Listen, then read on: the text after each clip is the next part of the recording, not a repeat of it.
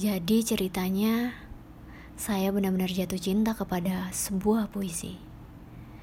Puisi ini dibuat oleh seorang penulis kesayangan saya, yaitu Pak D. Joko Pinurbo. Dan di sini saya berniat untuk sekedar membacakannya. Judulnya adalah Kamus Kecil.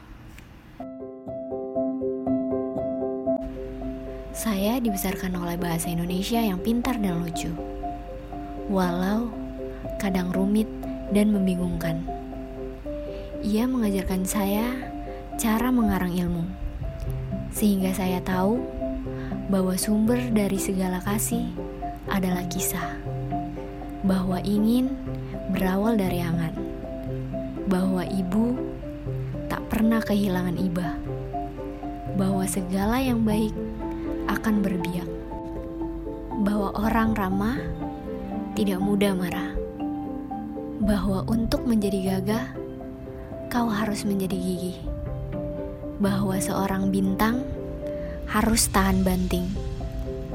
Bahwa orang lebih takut kepada hantu ketimbang kepada Tuhan.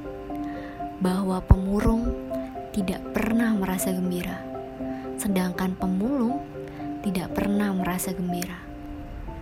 Bahwa orang putus asa suka memanggil asu, bahwa lidah memang pandai berdalih, bahwa kelewat paham bisa berakibat hampa, bahwa amin yang terbuat dari iman menjadikan kau merasa aman.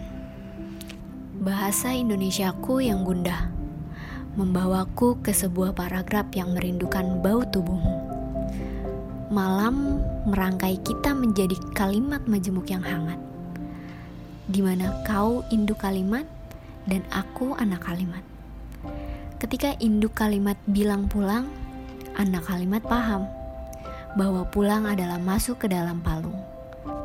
Ruang penuh raung, segala kenang tertidur di dalam kening. Ketika akhirnya matamu mati, kita sudah menjadi kalimat tunggal yang ingin tinggal dan berharap tak ada yang bekal tinggal.